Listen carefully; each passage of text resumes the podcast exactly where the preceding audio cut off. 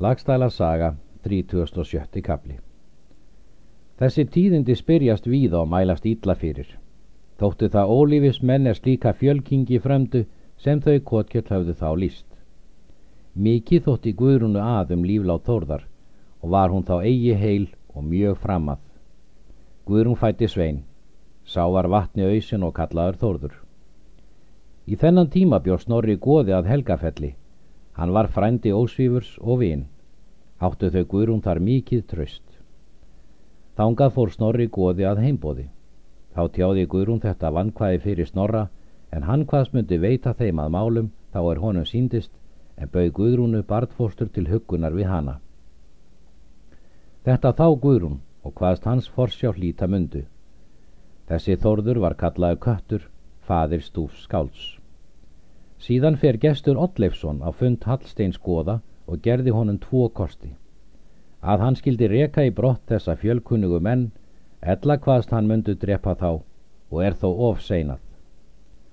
Hallstein kauð skjótt og bað þau heldur í brott fara og nema hvergi staðar fyrir vestan Dalaheiði og hvað réttar að þau væru drepin. Síðan fóru þau kotkell í brott og höfðu eigi meira fjö en stóð hross fjögur var hesturinn svartur. Hann var bæði mikill og vætn og reyndur af íi.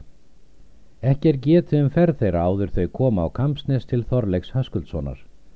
Hann falar af þeim hrossin, því að hann sá að það voru afreg skripir. Kotkell svarar. Gera skal þér kost á því. Takk við hrosshonum en fá mér bústað nokkur hér í nántjér. Þorleikur mælti.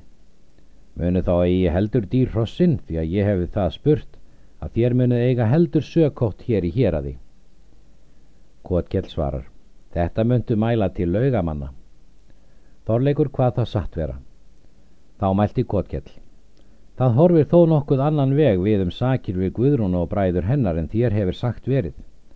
Hafa menn auðsir hrópu á oss fyrir enga sök og þykk stóðhrossin fyrir þessar sakir.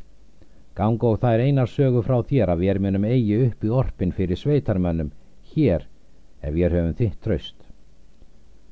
Þorleikur slæst nú í málinu og þóttu honum fögur hrossin en Kotgett flutti kænlega málið. Þá tók Þorleikur við hrossunum. Hann fekk þeim bústa á leiðólstöðum í Laxárdal. Hann byrði þau og um búfje. Þetta spyrja laugamenn og vilja sínir ósvífurs þegar gera til þeirra Kotgells og svona hans. Ósvífur meldi. Höfum við nú ráðsnorra goð og spörum þetta verk öðrum því að skant mun líða áður búar kotgjelsmunu eiga spán nýjar sakir við þá og mun sem verðt er þorleiki mest meina þeim.